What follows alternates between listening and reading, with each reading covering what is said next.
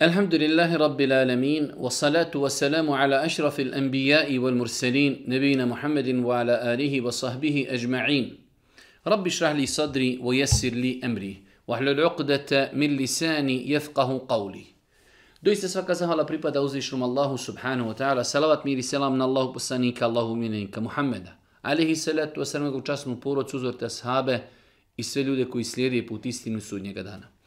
Uvažna braću i poštovani sestri, uvaženi gledatelji, evo nas u još jednu emisiju u se družimo sa vašim pitanjima i vašim dilemama. Ovo je naša 71. emisija u kojoj pokušavamo odgovoriti na što veći broj vaših pitanja i dilema koje pristižu na naš e-mail. Prvo pitanje ja imam pitanje vezano za gusul, vjersko kupanje. Ako zaboravim isprati nos i usta i sjetim se nakon izlaska iz kadi, pa odmah isperim iste na umivaoniku, da li mi je gusul ispravan. Znači čovjek se je kupao, imao je potrebu, da li je bio džunup i okupao je se, nije oprao usta i nos. A znamo i rekli smo da je obaveza prilikom kupanja da se operi i usta i nos. Pa kada je izašao iz kadije, sjetio se i odmah je oprao usta i nos, da li je njegov gusul validan? Da. E, rekli smo znači da je obaveza da operi, ali je on oprao odmah nakon što je izašao iz kadije, tako da e, nije to bio dug vremenski period pa da bi mi kazali zbog toga što nisi oprao usta i nos nije ti ispravan gusul. On je dok je izašao iz kadi oprao ono što mu je bila obaveza da operi tako da u ovakvoj situaciji učimo znači da je obaveza prilikom kupanja e, podizanja od sebe, ostranjivanja džunupluka ili kad je u pitanju žena hajza i nifasa, obaveza je da operimo usta i nos. Ako bi se eventualno desilo da čovjek zaboravi, Izašao iz kadi, nema smetnje da na umivalniku opere usta i nos, iako Bog da njegov gusul je ispravan i validan. Jedno malo duže pitanje jedne naše sestre, koja kaže upoznala je osobu za brak i tako, otprilike svidjeli su se jedno drugome, a sve do momenta dok je Moma kazao djevojci, ja vjerujem u Allaha da je on stvoritelj svega i da je on odredio kader, ali ne vjerujem da ćemo biti oživljeni. Teško mi je povjeriti da ćemo nakon ovog života imati vječno odredište i tako dalje. Pitanje je da li se s takvom osobom može stupiti u brak, Allah najbolje zna, znači e, ovo su osnovni temelji vjerovanja da čovjek negira proživljenje, negira sudnji dan, negira, negira e, ahiret, tako da E, čovjek ne ispunjava minimum uvjeta da bude musliman. Tako da e, svakako da je zabranjeno sa takvom osobom stupiti u brak, zato što, bez obzira što za sebe osoba kaže ja vjerujem u Boga, kao što je došlo ja vjerujem u Allaha, e, vjerujem da je on stvoritelj svega, mušici Meki, mušici Meki kojima je poslan Boži poslanik da ih poziva Islam, oni su vjerovali u Allaha i vjerovali se da je Allah Đeršanu stvorio zemlju i nebesa. Ali nisu vjerovali da je samo Allah Žešanu jedan gospodar. Isto tako, znači, znamo da je e, šest temelja imana. Jedan od tih šest temelja jeste i vjerovanje u sudnji dan, a vjerovanje u sudnji dan obuhvata i vjerovanje u kaburski život, proživljenje i polaganje računa. Tako da e, nije ispravno udati se za ovakvu osobu. Opet jedno duže pitanje. Ja i moj muž smo toliko godina u braku, on ima problem stalno, gleda pornografiju i tako dalje. E, žena ga je pokušala jednom ili dva put upozoriti na to, pa je dobila fizičke batine, tako piše u e-mailu, zbog toga što je e, upozorila svoga čovjeka na opasnost i grijeh gledanja pornografije. U svakom slučaju u ovakvim situacijama ostaje ženi mogućnost da sabura, da trpi i da savjetuje čovjeka. E, veoma teško to u jednom ovom dužim pitanju. E, ženama to veoma teško pada, veoma teško pada, tako da ako žena dođe u situaciju da više ne može saburati, ako dođe u, u situaciju zbog tog grijeha više nema ljubavi prema čovjeku, nema pokornosti i tako dalje, e, Allah najbolje zna u takvim situacijama dozvoljeno ženi je da traži razod braka. Znači, osnova je, oni su u braku, E, neispravan je njegov postupak, to što je istukao fizički dva puta ženu zbog toga što ga je savjetovala zbog pornografije, gledanje pornografije je u islamu e, haram, strogo zabranjeno. E, znači ova sestra je ispravno postupila što ga je posavjetovala, on je neispravno postupio što je istukao ženu. Žena može ostati u takvom braku jer to je grijeh koji ne izvodi čovjeka iz Treba da ga i treba da sabura. Ako kaže ja više ne mogu, ogadio mi se život, e, bojim se da ću mu biti nepokorna, nemam prema njemu nikakve ljubavi ili čak znači u velikom broju slučajeva e, zahladne intimne relacije među supružnicima kada neko od njih radi ovakve zabranjene stvari, ako to dođe do tog stepena, onda Allah najbolje zna rješenje je razvod braka. Četvrto pitanje pitanje kao šta je preći, odnosno šta je veći grijeh da žena bude otkrivena ili da čovjek nema bradu. Nakon jedno malo čudno pitanje, ali, ali eto, ljudi postavljaju svakakva pitanje. Kaže, je li manje zlo da žena bude pokrivena, a muškarac da ne nosi bradu, ili je manje zlo da žena otkrivena, a muškarac da nosi bradu? E, ne znam zašto postavljati ovakva pitanja. Najbolja je opcija da muškarac ima bradu i da žena nosi mahramu. Ali ako bi gledali s aspekta e, znači e, društvenih posljedica, mnogo je veći grijeh da žena bude otkrivena. Čovjek kada brije bradu, da, po konsenzusu islamskog činjaka zabranjeno je brijati bradu, ali je to grijeh koji se samo vraća na njega. Nema neku prilaznu dimenziju. Za razliku od žene koja je otkrivena, ona izlazi u društvo. Vide je ljudi, znači kao takva izazov je ljudima širi se na duže staze, kada više žena izlazi na ulice, širi se nemoral, širi se e, prostitucija, vanbrašna djeca i tako dalje. To su neminovnosti. Imate mnogo žena koje su otkrivene, koje su čestite i moralne, to je apsolutno, ali generalna pojava kada se u jednom društvu proširi e, E, znači ostavljanje hijjaba, neminovno to nosi sa sobom e, razvrat, nemoral, blud, samim tim dok ima bluda, ima vanbračne djeci, to su neminovnosti. Tako gledano s tog aspekta, e, znači teži je prekršaj da žena izađe iz otkrivena nego čovjek koji brije bradu, a oboje, znači oba ova postupka su zabranjena. I ženi je naređeno da nosi hijab prilikom izlaska iz kuće i muškarcu je naređeno da pušta bradu. Muškarcu je zabranjeno po konsensu učenjaka da brije bradu i ženi je zabranjeno da iz kuće izlazi iz, iz kuće, a da nije šerijetski ispravno pokrivena. Da li mogu da se oženim pravoslavnom kršćankom sa vjerske strane? Da li mogu, znači s vjerske strane je pitanje, da li možemo da se oženimo sa eh, pravoslavnom hrišćankom, ženom koja je pravoslavka. E, puno puta smo odgovarali na ova pitanja, ali ima potreba da se na njih odgovara. Dosta je naših ljudi koji su otišli na zapad, ljudi upoznavaju e, tokom svoga života po zapadu upoznavaju e, žene koje nisu muslimanke, pa je veoma bitno da znaju kakav je propis islama u pogledu toga. Mi smo više puta govorili da Allah u suri El Maide dozvolio, dozvolio je vjernicima muslimanima da ožene ehlul kitabike. E, u islamu kada se kaže ehlul kitab misli se na kršćane i na židove. Pa je muslimanima dozvoljeno da ožene kršćanku ili židovkinju pod uvjetom ako su čestite i moralne. Znači ako su žene čestite i moralne, dozvoljeno musliman da je oženi. E, ostaje tu i moment da su islamski kazali zbog praktičnih razloga bolje je da se to ne radi, zato što ta žena sutra treba da odgaja djecu, ona će njih možda odgajati nekom evropskom montonu, ali ne može odgojiti u duhu islama, ne može ih naučiti abdestu, niti namazu, niti, znači, sutra dolazi do problema, ta možda žena hoće da ona konzumira svinjetinu, da sprema u kući kod tog čovjeka, e, hoće možda da konzumira alkohol, hoće da ide na more, eh, hoće da djeca možda uče o kršćanstvu i tako dalje.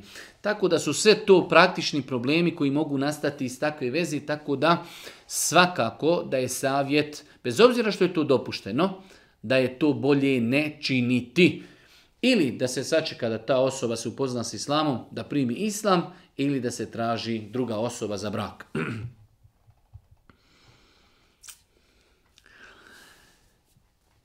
Ja sam po zanimanju njegovateljica i moj muž. Radim u staračkom domu.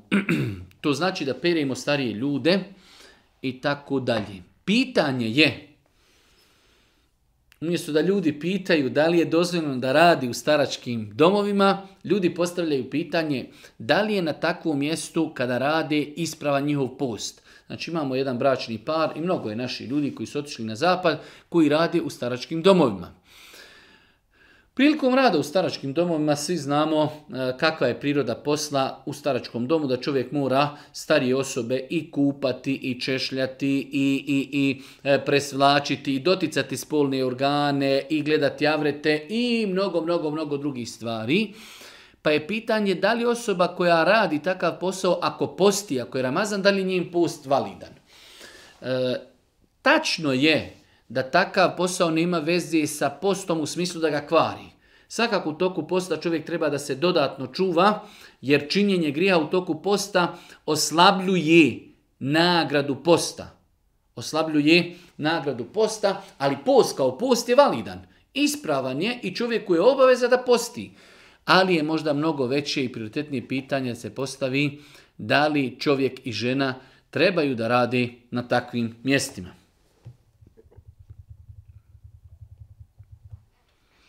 Nakon što obavim namaz, vratim se na seždu i ostanem u tom položaju tako dugo i često se desi da tako zaspim. Pitanje je da li je propisano i da li je potrebno da čovjek kada završi namaz da se ponovo vrati na seždu i da tako dovi i badeti i tako dalje. Sežda je badet znači samo kada je sastavni dio ili namaza, ili je to tilavet sežda, ili je to šukr sežda, sežda zahvali. Znači u islamu imamo ove tri vrste sežde. Sežda u namazu. Čovjek klanja, išao je na seždu, na svakom rekiatu dvije sežde. Ili je to sežda kada činimo seždu tilave. Tučili smo Kur'an i naiđemo na mjesto u Kur'anu gdje se treba činiti sežda. I to je ibadet. I treća situacija jeste e, da je propisan čovjek ako mu se desi neka velika blagodat, Znači, obavijeste ga o nečemu, prošao si ispit, e, ozdravlja ti je majka i tako dalje. Pohvalno je i propisano da čovjek padne na seždu i da zahvali Allahu te tala. To su tri vrste sežde koji su ibadet. Mimo toga, biti na seždi nije ibadet. Tako da ovaj postupak ovi naši sestri, da nakon što završi sa namazom, odi na seždu i ostane toliko dugo da nekad zna i zaspati na seždi je neispravno.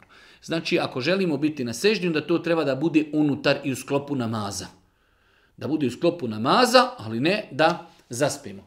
Tako da, ako se ovdje sada misli, završili smo namaz, pa onako se vratimo na pozu e, da možda je tako odgovara da leži, to onda ako nema nikakvu vjersku dimenziju, hm, ne možemo reći da je zabranjeno, ali je bolje izbjegavati kako ljudi drugi ne bi se povodili za nama. Ali ako se to radi iz ubjeđenja, mi smo završili namaz, e sad idem još uraditi jednu dodatnu seđdu, kao ibadet, da se približim Allahu, nije ispravno. Znači sežda je ibadet samo u tri situacije, ili u namazu, ili sežda prilikom učenja Kur'ana, tilave sežda, ili sežda zahvali. Mimo toga nije propisano činiti seđdu.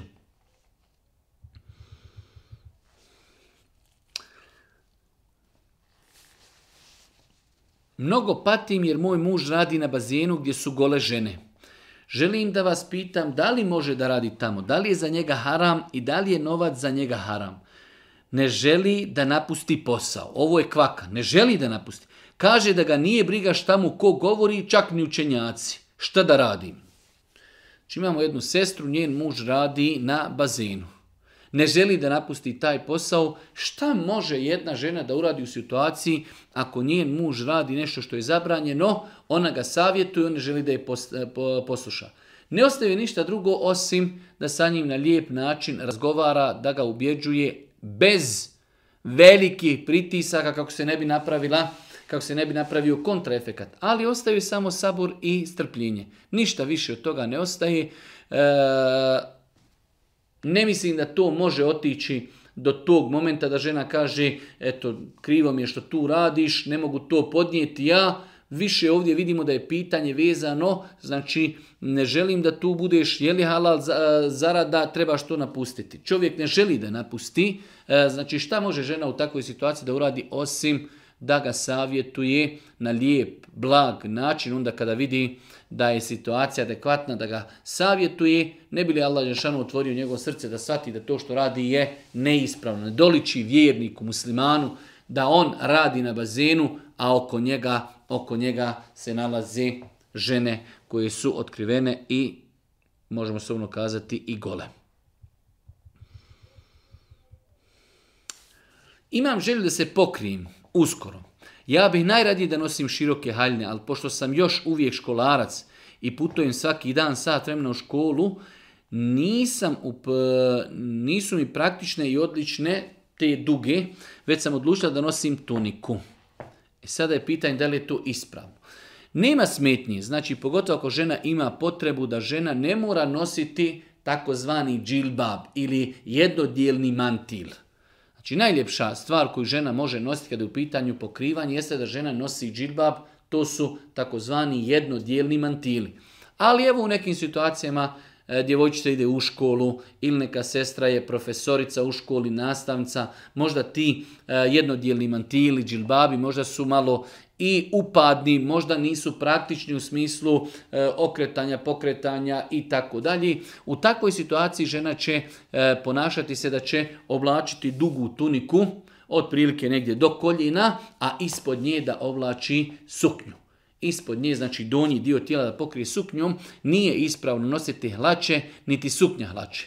Tako da žena, to je neki naj, naj, naj, naj, najniži dio koji se može dopustiti ženi prilikom izlaska iz kuće da gornji dio tijela pokrije nekom dužom tunikom koja će dolaziti negdje do koljena, a donji dio tijela da pokrije nošenjem suknji neće nositi hlače, niti će nositi suknje hlače, sve je to neispravno. To je znači neki maksimum koji se može dopustiti ženi e, kada je u pitanju pokrivanje ženskog tijela prilikom izlaska iz da nosi gore znači širu neku tuniku, da to ne bude usko, da ne bude oslikano tijelo, da nosi neku širu tuniku i da na donjem dijelu tijela nosi suknju.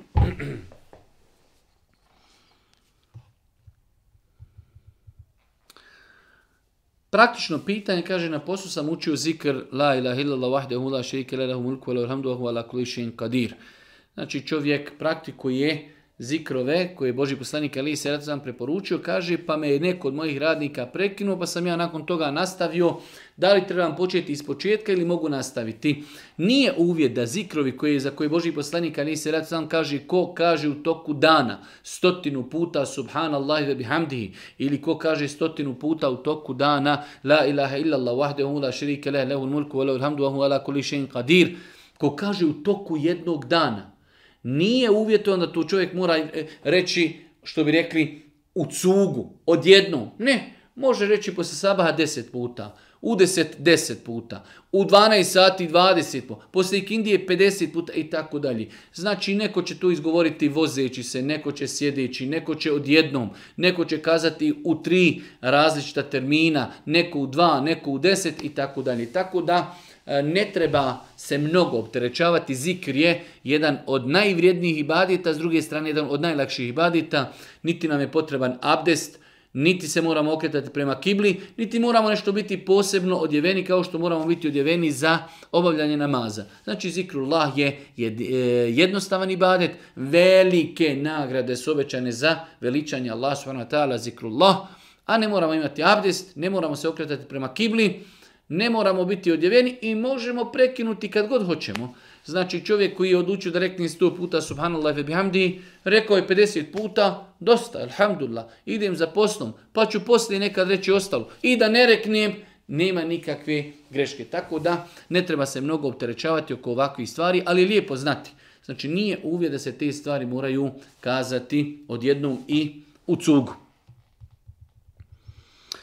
Živim u Njemačku, imam komšije koji nekad žele doći na kafu i sa sobom povesti malog psa. Kakav je propis, smije li im smijem li im dozvoliti ili ne smijem? Obzirom da je pas u islamu zabranjen zadržati, tako dalje. U svakom slučaju, e, ovdje se e, pitanje nije više, e, mi nećemo biti griješni u smislu, oni drže pas, to je njihov pas. Već je ovdje pitanje, to je naša kuća. Velik broj učenjaka je smatrao da generalno pas, generalno, njegovo tijelo je nečisto. Ali evo, ja sam stava da pas nije nečist, ali isto tako e, dlake od psa, pa pas može e, znači pomokrice i tako dalje i tako da u takvim situacijama ja smatram e, ljudi na zapadu su poznati po svojoj toleranciji, po dijalogu, da lijepo komšijama treba kazati mi muslimani ne uvodimo pse u kuću znači zbog njihovog e, smrada, zbog njihovog, znači njihovih dlaka, zbog njihovog neđaseta, zbog njihove mokraći. Ako želite doći nama, ili ostavite psa, svežite ga pred kuću, ili ga ostavite kod vaše kući, ali Allah vas nagradio, nemojte uvoditi psa u kuću. Znači na lijep način smatram da nema ništa loše u tome, da se na lijep način e, pojasni da jednostavno nama Islam zabranjuje da mi imamo psa, oni imaju sebi psa, oni kada bi ušli u našu kuću sa svojim psom, nemamo mi grije zbog toga što oni imaju psa. Ali imamo neugodnu situaciju da može se negdje pas pomokriti pa nam unečistiti kuću, dlake sa njega padaju, e, znači, a po mišljenju određenog dijela učenjaka pas što god da dotakne, sve je to nečisto. Tako da e, bolje je to sve izbjegavati na jedan lijep i kulturan način ljudima pojasniti da bujrom dođete na kahvu, sve, ali psa ostavite kod kuće i to je to. Moj najbolji drugi izvršio samoubistvo pre par dana. Za njega hođa nije, do, za njega hođa nije dozvolio gusul, nije mu se klanjalo. Ukopali su ga gore nego psa. Psa bi neko bolje ukopao. Da li je to ispravno? Nije ispravno.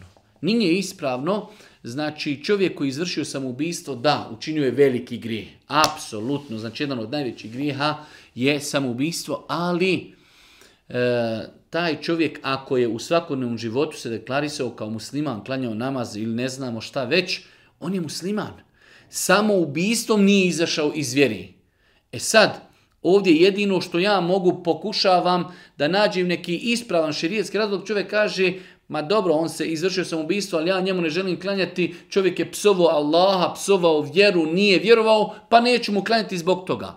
Ali kao samoubistvo, samoubistvo je veliki grijeh, ali znači apsolutna većina islamskog učenjaka je smatrala da se čovjek koji izvrši samoubistvo klanja dženaza. Dio njih je smatrao da ne treba klanjati dženazu samoubici ljudi koji su autoritetu u jednom društvu da li su to učenjaci, da li su to efendije, da li su to znači ljudi, autoriteti, kako bi na taj način bojkotovali to što je on uradio. Ali da je čovjek i dalje musliman, da ga treba ogasoliti, da ga treba okupati i da ga treba klenati mu dženazu, apsolutno da. Tako da je ovo velika, velika greška. E, znači, Allah najbolje zna sa šta uraditi, e, da li čovjeka ponovi otkopati, pa mu ponovo znači, uraditi gasul i nakon toga ponovo klanjati dženazu ako postoji mogućnost da se to uradi e, ne bi bilo daleko od toga da je ispravno. Ne bi bilo daleko od toga da je ispravno pošto je kupanje mejita obaveza Klanjati dženazu možemo čovjeku znači i naknadno. Klanjati dženazu možemo i naknadno, ali je spušten čovjek koji u, znači, u zemlju niti je okupan, niti je zamotan u čefine. Tako da Allah najbolje zna ako postoji mogućnost, ako neće to praviti, problem da se takva osoba otkopa da se lijepo ogasuli, da se umota u čefine i da mu se klanja dženaza. Onaj ko će klanjati bujrum, onaj ko ne želi, ne mora ni klanjati. Čak šta više, takvim ljudima je prioritetnije da se klanja dženaza nego drugima. Zašto? Zato što je dženaza vi dovi. U dženazi, u dženazi ljudi dovi Allahu da oprosti insanu njegove greške. Pa najpreći je da se dovi za njega onaj koji je izvršio samo ubijstvo.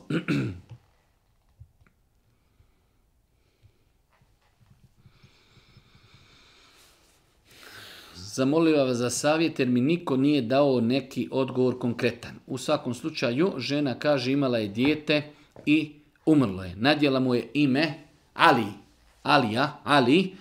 Nakon toga to je dijete preselilo, sada je ponovo trudna želi da tom drugom sada djetetu dadne ponovo ime Ali, ali naš narod kao naš narod pun neki sujevjerja i i Hamajlija, i Zapisa, i Konaca, i Utoraka, i Petaka, rekli su ženi, iako se njoj sviđa to ime, izvjetno se sviđa, voljela bi da tom djetetu svom drugom, koji ako Boga treba se roditi, da mu nadije ponovo ime od prvog djeteta koje je umrlo. Pa je pitanje da li je to ispravno više nego ispravno. Nema ništa sporno u tome da osoba koja je imala jedno dijete, pa je dijete umrlo, nakon toga žena dobije ponovo dijete, nema ništa u tome šerijatski sporno da se takvom djetetu nadije ime od djeteta koje je preselilo. Ne treba to uopće vezivati za situaciju. Prvo dijete umrlo zato što je bio njegov kader, njegova sudbina, nadjevanje imena budućem djetetu niti mu može štetiti kao da nešto to bude zloslutnje, možda će i ono umrijeti, niti mu može koristiti niti ga od čega može sačuvati. To je nadjevanje imena koji nema nikakve veze sa njegovim budućnosti i njegovim životom. Tako da, znači, imamo fetve od šeha Bimbaza, od šeha Feuzana i drugih učenjaka koji su na ista pitanja odgovorili da nema nikakve apsolutno smetnje da poroce koji su izgubile nekog člana poroci, nakon toga dolazi dijete, žele da to dijete, da mu daju ime po umrlom djetetu ili ocu ili po amidži ili po sestri nema ništa u tome sporno s aspekta islama.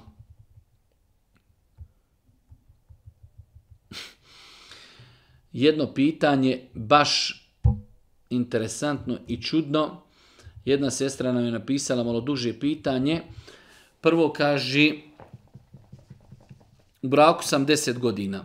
Prije dvije godine saznala sam da me je prevario muž sa ženom, pa sam mu to oprostila. Nakon toga, kaže, počeo je da se dopisuje sa snahom, bratovom ženom. Pa mu je žena i to oprostila, e sada ponovo našao je treću komšinicu sa kojim se dopisuje i tako dalje. Pa žena kaže šta da radi, kako da se ponaša. Mi ponavljamo ponovo e, u ovakvim situacijama Žena treba da savjetuje svoga čovjeka, da ga poziva na Allaha, da ga poziva da je to neispravno, to haram, pogotovo pazite dopisivanje sa snahom, suprugom eh, svoga brata, to je grijeh je sa svakom ženom koja nije mahrem da čovjek ima te kontakte dopisivanja, ašikovanja, ali je dodatno da čovjek, ne daj Bože, e, zloupotrebi blizinu svoje snahe i da se sa njom dopisuje i radi ono što je zabranjeno. Tako da šta ženi ostaje? Ostaje da strpi se, da sabura i da ga savjetuje na lijep način. E sada ostaje opet da kažemo može to doći e, jer ti ljudi koji su takvi znaju nekada biti e, naporni, znaju biti uporni, e, ne privataju savjet, evo ostavio je, prevario s prvom ženom, pa nakon toga dopisivanje sa snahom, nakon toga dopisivanje sa komšinicom i tako dalje. E, vidno da takve osobe ne žele savjet, niti se misle mijenjati. Ako žena dođe u taj level da jednostavno e, to je utječe na zdravlje, e, utječe na raspoloženje, na harmoniju, na intimu, na mnoge druge stvari. Ako dođe na taj nivo da kaže nemam više razloga da živim s tobom, onda ne mislim da je to daleko od toga da žena ima pravo tražiti razvod braka. 15. pitanje Možete li mi objasniti prijevod sure, e, sure sunce, ešems. Ima jedan dio koji mi nije baš jasan. U ovom Kur'anu s prijevodom koji ja imam, jedan dio gdje piše da je zemlja ravna, to jest ardi wama tahaha i zemlji i onoga koji ravnom učinio. Voljela bi da mi kažete da li je taj prijevod tačan. Znači, pitanje je da li je tačno prevesti ajet u suri šem svol ardi wa ma tahaha ovako, i zemlje i onoga koji je ravnom učinio. Islamski učenjaci u, tefsiru ovog ajeta imaju različite poglede i tumačenja ovog kuranskog ajeta i sama ta tumačenja utječu na prijevod. Pa ima učenjaka koji su kazali da se Allah Žešanu zaklinju ovdje i kaže sun i zemljom wal ardi wama tahaha i onoga što je Allah stvorio na zemlji. Znači tahaha prevodi onoga što je Allah stvorio na zemlji. Dio učenjaka je kazao da se Allah zaklinje zemljom, e, znači i onim koji je prostruo, koji je ravnom učinio. Tako da e, ne možemo kategorički tvrditi da li je ovo ispravno prevedeno ili neshodno znači tefsiru. E, svaki prevodioc Kur'ana mora u određenim ajetima odabrati određeno mišljenje. Znači mora uzeti određenu metodu i kaže sljedeću tu metodu kada islamski učenjaci u pogledu određene riječi imaju različita tumačenja, ja ću odabrati jedno mišljenje i tako ću prevesti. Tako da i u ovom slučaju ovaj prevod je e, ispravan, ali isto tako ima učenjaka koji bi ovaj ajet preveli na drugačiji način. Ovdje imam osjećaj, kaže se na kraju pitanje, jer na internetu sam pronašla malo drugačiji prijevod gdje piše da je zemlja okrugla. Jer je ovdje došlo, znači kaže, i onoga koji je ravnom učinio. Na internetu sam našla da je zemlja okrugla. Islamski učenjaci, učenjaci Islama na osnovu Kur'ana, imaju jednoglasan stav da je zemlja okrugla. Ovo moramo naučiti kada je u pitanju ova tema, islamski učenjaci u pogledu toga da li je zemlja okrugla ili ne, imaju jednoglasan stav da je zemlja okrugla. E sada, u određenim ajetima Allah on kaže i zemlju je učinio ravnom Kažu islamski učenjaci, misli se ravna je zbog njene veličine u odnosu na nas. Mi sada kada pogledamo zemlju, stali smo na neku parcelu, stali smo na neki stadion ili stali smo, vidimo da je zemlja ravna u odnosu na nas. Znači možemo po njoj hoditi. E, u tom kontekstu tako se svataju ajeti u kojima stoji da je Allah razastro zemlju, da je je učinio... E, prilagodio ljudima da po njoj mogu živjeti i hodati. Ali kada je u pitanju, kada u pitanju vanjski izgled zemlje kao planeti, islamski učenjaci imaju jednoglasan stav da je zemlja okrugla. Zemlja okrugla, sad oko toga da li je jajasta ili ne, to je nešto drugo, ali generalno, znači da li je zemlja ploča ili je zemlja, da li je zemlja okrugla, zemlja je zemlja je okrugla prema stavu, jednoglasnom stavu islamskih učenjaka, eti u kojima stori da je Allah e, zemlju učinio ravnom i da je razastro, misli se u odnosu na nas, kolišni smo mi naspram zemlje, nama zemlja izgleda ravna. 16. pitanje da li kada se uči Kur'an moramo samo da se uči na arapskom? Jer ja još nisam naučila sva arapska slova tako da ga učim, čitam na prijevod. Ovdje imamo nejasno postavljeno pitanje. Kur'an, da, Kur'an se može učiti samo na arapskom. Šta znači na arapskom? Da izgovaramo riječi na arapskom i da ih čitamo na arapskom. Neispravno je učiti Kur'an napisan na transkripciji. Ako se ovdje pita i misli da li je ispravno da učimo Kur'an napisan na latinicu. Elif, la, mim, zali, kelki, kitabu, la, rejbe, fi, hudel, lil, mutekin, to je neispravno. Znači, islamski učenjaci po konsenzusu e, ne dozvoljavaju da se Kur'an piše osim na arapskom jeziku. Osim na arapskom jeziku. To je prva stvar. Ako se ovdje misli Znači, e, osoba ne zna arapski, mogu li ja čitati prijevod kako bi se okoristila? Da. E, čovjek koji želi da, da uči Kur'an ima opciju ili da uči Kur'an na arapskom. Na arapskom jeziku sa arapskim slovima ili da čita prijevod na bosanskom. Pa da čita ovo je knjiga u koju nema nikakve sumnje ali ne može čitati zalike el kitabu la ribe fi, da to čita na transkripciji, to je neispravno. Znači ima mnogo, mnogo grešaka. U takvom učenju ljudi pravi mnogo grešaka, pošto u arapskom jeziku oko 10 harfova ne postoji u bosanskom jeziku. Tako da osoba koja čita bosanska slova izgovarat će određene riječi potpuno neispravno. Tako da e, nemojte da vas zavara to što na pijacama ljudi trguju i ljudi traže da prodaju ono što, što ide zato nemoj da kaže neko, pa imamo jasi na transkripciji, ima cijeli Kur'an na transkripciji, ima ova sura na transkripciji, ne mora značiti ako nešto postoji da je ispravno. Neispravno je pisati Kur'an na latinici. Kur'an se jedino može pisati na arapskom jeziku. 17. pitanje. Možete li mi odgovoriti zašto je velika razlika uplati odlazak na hađ i umri, a otprilike sve je isto vezano oko putovanja, smještaja i slično tomi? E, ova nejasnoća djelimično i stoji, a i djelimično ne stoji. Prva stvar nije tačno da su potrebe hađa i umri isti. Prva stvar što imamo umre različitih perioda i trajanja, pa imamo umre od 7 dana, 10 dana, 12 dana. E, s druge strane, prilikom odlaska na hađ, to se, znači jednostavno, to je period sezona. Znači imate hotela u Mekki Medini koji rade samo za hađ. Znači hotel je napravljen samo da bi se iznemljivao za vrijeme hađa. Eventualno još malo za Ramazan. Tokom cijele godine taj hotel je za, za, zatvoren i ne radi. Samim tim jednostavno i to je ljudima prilika, sezona, hađije dolazi, oni moraju negdje rentati, oni negdje moraju rentati, iznajmljivati hotele, e, tako da e, dole su cijene, tokom godine imamo cijenu ramazansku, cijenu za hađ, imamo cijene koje su mimo ove dvije sezone. Normalno, e, kada je u pitanju, ramaz, kada je u pitanju hađ, ne možeš reći želim u hotelu nekom biti dva dana. Možeš kupiti sezonu. Da kažeš krevet zakupljujem za sezonu hađa.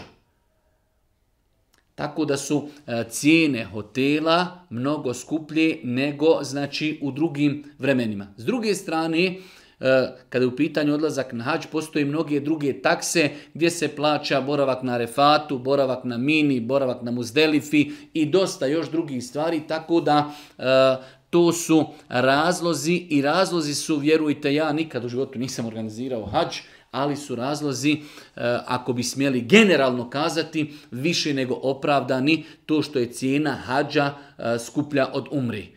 Znači nije to poigravanje i, i zloupotrebljavanje ljudi, već je to jednostavno e, shodno situaciji, shodno cijenama, znači određenim da ih nazovemo taksama ili ne znam šta sve više, ali znači zbog toga je cijena hađa mnogo veća od cijene umre. Znači i e, po nekom skromnom mišljenju e, opravdano zato što je doista mnogo, mnogo, cijene su mnogo skuplje i mnogo je tih izdataka koje nemamo na umri. Kada idemo na umru imamo avionsku kartu, imamo hotelski smještaj. To su bukvalno dvije neke najkrupnije stvari, dok za razliku od hađa gdje imamo mnogo drugih stvari.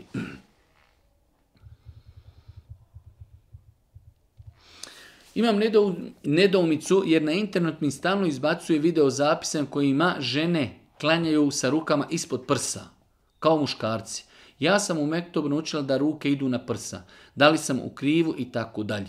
U svakom slučaju vezivanje ruku u namazu ne treba da bude, e, da kažemo, neko teško pitanje da ga se insan boji. Gdje god da bi čovjek svezao ruke ili žena ili muškarac, kako god da ih sveže, namaz je ispravan namaz ispan. Tako da se ne treba mnogo time opterećavati. E, ono što, što, što su naše majke i sestre prakticirale da ruke vežu na prsima je ispravno. Ispravno, čak šta više, e, to je po meni dokaz, jer Boži poslanik Ali Sadaca, on je muškarac i nikada nije rekao neka ovako klanjaju muškarci, neka ovako klanjaju žene. Već je kazao klanjajte kako ste vidjeli mene da klanjam. Vezivanje ruku žena na prsima je jedan od dokaza da tako i muškarci trebaju vezati ruke. Jer e, nema hadisa koji kaže muškarci neka vezuju ispod pupka, a žene iznad prsa.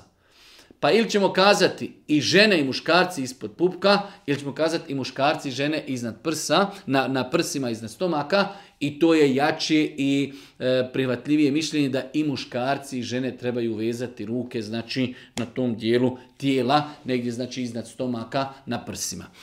u svakom slučaju e, ne treba to da bude kamen spoticanja, e, namaz je e, ispravan na bilo kojem mjestu da i muškarac i žena svežu ruke, a znači to što smo mi učili u Metefu da se da žene ruke vežu na prsima je inšala biznila ispravno.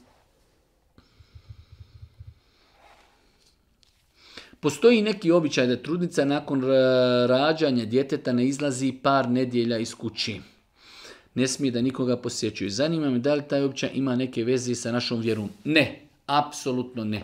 Znači, ta stvar se može vezivati za zdravstveno stanje majke, e, znači porodilji. A što se tiče s aspekta islama, žena u tom momentu, ako fizički može, došla iz bolnice, ako hoće nek ide prošetat, nek ode na kolače, nek ode u šoping, shodno fizičkoj mogućnosti i zdravstvenoj situaciji. Ne želim da se miješam u medicinu, šta medicina kaže, to je druga stvar. S aspekta islama, da li ima nešto sporno da žena E, nakon poroda prije 40 dana izađe iz kuće, da ode nekom na kahvu, da ode u općinu, da ode platiti struju, da ode djetetu na roteljski, da ode u šetnju, da ode u shopping, s aspekta islama nije ništa sporno. E sada s aspekta zdravstvenog, da li to žena može, da li hoće, da li je preporučeno i to to se vraća više na njeno zdravstveno stanje i na medicinu. Da li medicina to preporučuje, da li žena treba da leži, da se kosti vrati ili ne znam nije da se maternica vrati i tako dalje. To nije moja struka i ne bi se u to ni miješao ni petljao, ali s aspekta islama ne postoji nikakav dokaz na osnovu kojeg bi mogli kazati da žena u tih 40 dana nikako ne treba da izlazi iz kuće, da ne ide nikome i tako dalje. To je znači vid sujevjerja i nema nikakvo utemeljenje u vjeri. Deca žele da za kućnog ljubimca uzmu zeca. Pa moje pitanje da li je grije da u kuću čuvamo zeca? Generalno gledajući, e, Islam je dopustio da ljudi imaju kućne ljubimce i osnova je kad su u pitanju životinje, da čovjek može imati e, bilo koju životinju koju želi da ima za kućnog ljubimca, osim onoga što je Islamom zabranjeno. Jedina stvar koja je meni poznata da je zabranjena jeste da je zabranjeno da čovjek ima psa kao kućnog ljubimca, da mu pas ulazi u kuću. Islam je dozvolio u nekim situacijama da čovjek ima psa, ako ima za njim potrebu, da čuva znači, stoku, da čuva usjeve i e, u situaciji, Allahumma salli ala Muhammedin wa ala ali Muhammed, znači imamo tri situacije kada je dozvoljeno e, da čovjek ima zbog e, lova. To su tri situacije. Na osnovu ove tri situacije kazali su islamski učenjaci, ako bi bila kuća na sami, ako čovjek ima potrebu da mu pas čuva kuću, ali baš potrebu, i to bi potpadalo. Ili u nekim situacijama savremenog doba da policija ima pse ili slijepac da ima pse, to su sve neki izuzeci, ali da uzmijemo psa kao kućnog ljubimca, Boži postanik Ali se baš je, da kažemo, žestoko zaprijetio i kazao je da osoba koja e, ima psa, a nema potrebu za tim psom, kaže svakim danom umanjuje njegova dobra djela za jedan kirat. Jedan kirat je u drugim hadisima pojašnjen e, kao jedno veliko, ogromno brdo. Tako da e, vjernik treba izbjegavati da e, maksimalno se truditi da ako već želi kućnog ljubimca to ne bude pas, ali znači mačka je dozvoljena, ribe su dozvoljene, zec je dozvoljen i ne znam e, papagaj ili neke ptice, znači sve su te stvari dozvoljene. E, sada ovdje imamo jedno pitanje e, koji možemo spomenuti indirektno, a to je islamski činjaci su kazali da mokraća i izmet životinja čije meso je jestivo većinski dio učenjaka je smatrao da ni mokraća, ni izmet takvih životinja nije nečista. U smislu, ako dotakne čovjeka i dotakne čovjekovu odjeću, da to mora oprati prije namaza. Svakako da niko neće dozvoliti da mu pokući bude e, mokraće ili da mu bude, ne daj Bože, ona izmeta od zeca ili ne znam nija neke druge jestive životinje, e, kao što je u pitanju čovjek koji se bavi poljoprivredom, pa čuva ovce ili čuva krave, pa u datom momentu nekada e, dio znači e, balege dotakne njegovu odjeću, ta odjeća s aspekta islama u njoj može klanjati namaz. U njoj može klanjati namaz, nije mu obavezno to operi. Svakako s aspekta higijeni, neće takav ući u kuću, neće takav ući u džamiju i tako dalje, ali ako bi rekli da čovjek negdje na planini čuva ovce, čuva krave e, ili negdje u polju, pa je znači dio baleg je dotakao njegove hlače, da li to mora otići oprati i u tome klanjati? Ne, ne mora, zato što islamski učenjaci su postavili veliko pravilo, životinje čije meso je jestivo, njihova mokraća i njihov izmet nije nečist. Ali je veoma bitno napraviti razliku između toga nešto je nečisto, a nešto higijenski ne treba da bude prisutno na nama. Znači, tako da insan, ako bi imao potrebu da klanja u hlačama na kojima ima neki znači izmeta od životinje koja jestiva, da li je to konj, da li je to krava, da li je to ovca, da li je to koza, njegov namaz je Allah, ispravan. Tako i u ovom slučaju znači zec je jestiva životinja, ako bi se desilo da čovjek osjeti na hlačama e, da, da ima tragova mokraće ili tragova izmeta, e, ako bi morao tako klanjati njegov namaz je ispravan, svakako s aspekta higijene E, znači on će to oprati i e, znači skloniti sa svoga, svoga tijela ili odjeći. Naime, čitala sam više hadisa o podizanju ruku u namazu, pa onda vidim u praksi neki dižu ruke nakon svakog tekbira ili vraćanja sa rukoj seždi ili samo sa određenih rekeata pa neko kaže i tako dalje i tako dalje. Ništa mi nije jasno kako ispravno zbunjena sam.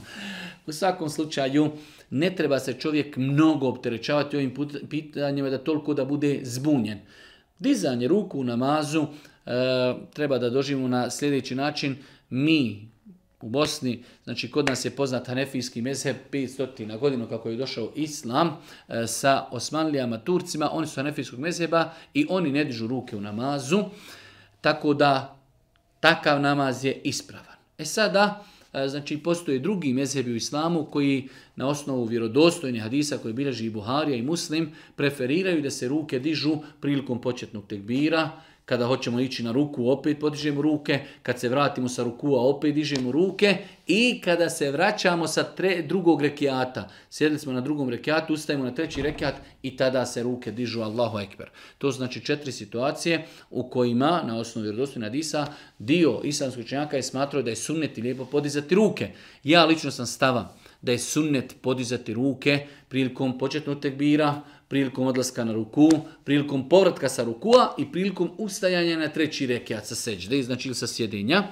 Ali isto tako to ne treba da bude kamen spoticanja, ako to nekome smeta, nekoga uznemirava, ako je čovjek jedini u džami koji to radi, ljudima to smeta, iako to i preskoči i ostavi i izostavi, kako bi se približio tim ljudima, kako ga ne bi bojkotovali, kako ga ne bi vrijeđali, jer oni to ne razumiju, zato što su znači, naučili tako od svojih efendija, od svojih djedova, od društva u kojem živi. Inšala bi taj bi čovjek imao nagradu što je uradio određen postupak koji vodi izbližavanju muslimana. Tako da ne treba da to zbunjuje, oba ta stava su inšala validna, ispravna, imaju svoj dokaz. Lično sam stava da se ruke dižu u namazu na spomenutim situacijama, ali isto tako ne treba to nikako da bude kamen spoticanja, ne daj Bože, mržnje i svađe i prepirke. Onaj ko je shvatio da ne treba dizati ruke, neka klanja, znači neka ne diži ruke. Onaj koji je shvatio da je to sunnet, treba znači da diži ruke i oni koji ne dižu ruke ne treba da im to smeta. Zanima me da li je grijeh igrati karte ako se igra iz zabavi. nema prisustva novca niti bilo kakve vrste kockih. Generalno, osnova je da je tu dopušteno. Osnova je da je tu dopušteno sve dok tu nema, e, nema kocki, Neće to biti razlogom da ne daj Bože zapostavimo neku obavezu, nećemo čujemo ezan u džami, ne, ne, hajde nastavit ćemo igrati karte, da ne propustimo neku obavezu ili roditelj naredi djetetu tu nešto radi, neću do sad igram karti i tako dalje. Znači igrati karte ako se ne igra za novac i ako nas to neće odvratiti od neke naše šerijetske obaveze i s druge strane ako to neće nas odvesti, ne daj Bože da e, nam to bude glavna preokupacija i da ne daj Bože počnemo to rati za pare. Onda insan treba to da prekini. Jer svakako prvo se insan nauči igrati bez para, e onda ide ulog, pa i tako dalje. Ali generalno gledajući da čovjek s vremena na vrijeme s nekim, znači da sjedne, e, znači i onako, hajde da kažemo, odigra neku igru u kojoj nema nikakve ljutnje, u kojoj nema nikakvog zaloga, neće ga to odraditi ni od kakve njegove šerijatske obavezi, e, neće to biti razlogom da će ga uvući u igranje karti u pare, uzalao pomoć ne mislim da je to zabranjeno, a znači opet Čovjek treba da pazi na svoje vrijeme i da ga iskorištava u onome što će mu koristiti od učenja Laha i tako dalje.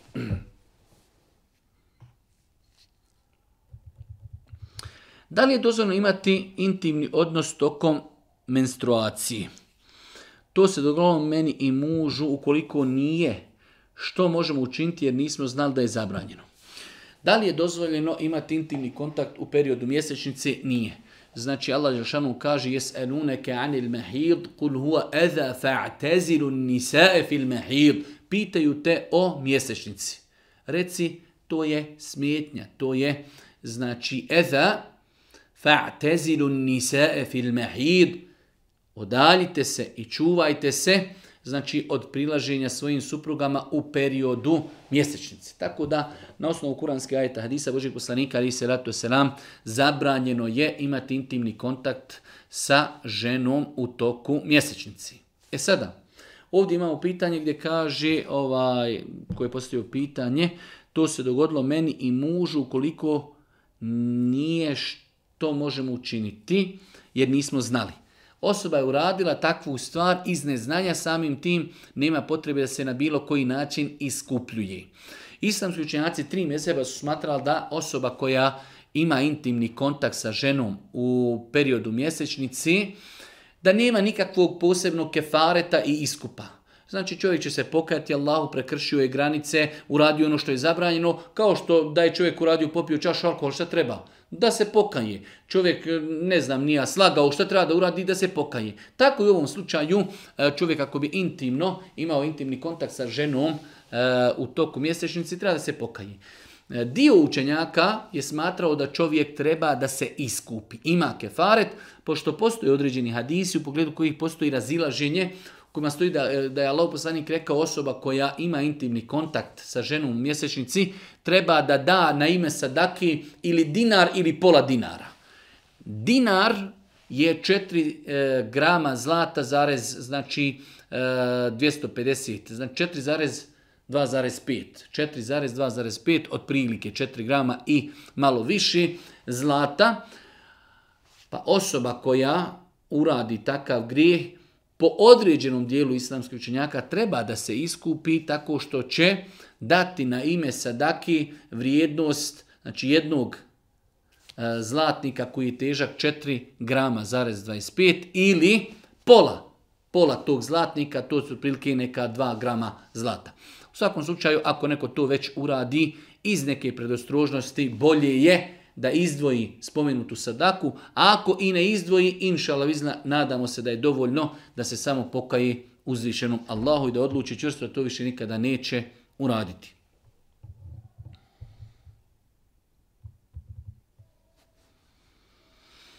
Jedan brat nam je napisao malo duže pitanje, uglavnom e, kritikovao je, a i govorio je o našoj metodi odgovora ljudima E, prilikom ovih pitanja. Pa evo na početku kaže, ovo vam šaljem ovako privatno, bez pisanja po Facebooku i ovim društvenim mrežama. Imam i ja malo ovog našeg islamskog obraza, pa često puta budem pitan o nečemu, a kažu Pezić kaže, pa navedu neki vaš odgovor i tako dalje. U svakom slučaju, brat je sugerisao da prilikom odgovora na pitanje, odgovor trebalo bi da uvijek citiramo stavove mezheba, stavove učenjaka, njihove dokaze, kako bi e, kao e, ljudi imali eto uvid e, i u druge stavove. Generalno gledajući, pitanje izdavanja fetvi, odnosno odgovaranja ljudima na odgovore je pitanje u pogledu kojeg postoje metode i načini. Kome se čovjek obraća? Ko je onaj ko postavlja pitanje koliko ima znanja, šta sve razumije? Ja lično sam stava da ljudima ne treba u pogledu svih pitanja iznositi mezhebe, stavove učenjaka i njihove dokaze. Stava sam da običnim masama, ljudima koji nemaju mnogo šerijatskog znanja, dovoljno je samo kazati da li je nešto dozvoljeno ili ne. Čak nisam stava da nema potrebe da im se svaki put i dokaz spominje jer nekada ljudi i ne razumiju dokazniti način dokazivanja i da bi nekada za određeno pitanje samo pojasnili dokaz i način dokazivanja trebalo bi nam sigurno jedno 10 ili 15 minuta, tako da ja kada odgovaram ljudima na pitanja, odgovaram eh, kratko, bez detaljisanja, osim u situacijama kada znam da je na našem podneblju zastupljen određen stav, a mi zastupamo drugačiji stav na, određen, na osnovu određenih dokaza, tada spomenim da ima drugo mišljenje koje ima svoju težinu. Zašto? Kako se ljudi ne bi zbunili. U protivnom, smatram da je dovoljno da čovjek samo kaže u pogledu ovog pitanja ovo je ispravno, ovo je tačno, nekada je spomenuti dokaz i to je to. Poštujem i uvažavam ljude koji imaju i drugačiji pristup, ljudi koji citiraju mišljenje svih učenjaka, pa njihove dokaze, pa odgovor na to i na kraju preferirajuće mišljenje, ali apsolutna velika većina naših ljudi na našem podneblju ne razumiju takav način i čak šta više nekada ih to može izbuniti, pročita šest stavova i njihove dokaze i na kraju ne zna više ni kuće, ni šta će, kakav je to islam, učenjaci imaju toliko stavova i toliko mišljenja, toliko argumenata, tako da smatram da običnim ljudima, nama, običnoj masi, treba samo iznijeti propis, eventualno spomenuti ko je zastupao taj stav, eventualno spomenuti dokaz. U situacijama ako je to baš odskači od podneblja u kojem se živi, u kojem je zastupljen određen fikski stav, ukazati da postoji razilaženje i da ljudi razumiju tako to pitanje. 25. pitanje. Je li muškarcu koji je musliman dozvoljeno da se oženi ženom koja je kršćanka? Je li imaju uvjeti koji se moraju ispuniti ako ja oženim takvu osobu? Je li spada među, e, među loše osobe i hoće li se Allah rasrditi na mene? Hoće li se Allah rasrditi na osobu koja oženi kršćanku? E, neće se uzvišeni Allah rasrditi zato što je uzvišeni Allah, gospodar zemlje i nebesa, vjernicima, muslimanima dozvolio da ožene, znači e, ehlul kitabiku, kršćanku ili židovkinju, ako su čestite i moralne. Ženi muslimanki se nikada nije dozvoljeno udati za nemuslimana, za razliku od muslimana, muškarca, kojim je dozvoljeno da oženi židovkinju ili kršćanku pod uvjetom da su moralne, a do sad smo mnogo puta pojašnjavali da su islamski učenjaci kazali da je to prioritet nije ne činiti zbog mnogih tehničkih problema koji mogu nastati u takvom braku. Allah Đelšanu molimo da nas učini na putu istine, da nam istinu pokaže istinu i olakša njeno slijedjenje, da nam neistinu pokaže neistinom i da nam omrzni njeno slijedjenje. Subhanike Allahumma da bihamdike. Ešhedu in la ilaha in stakfiru kevo etubu oh.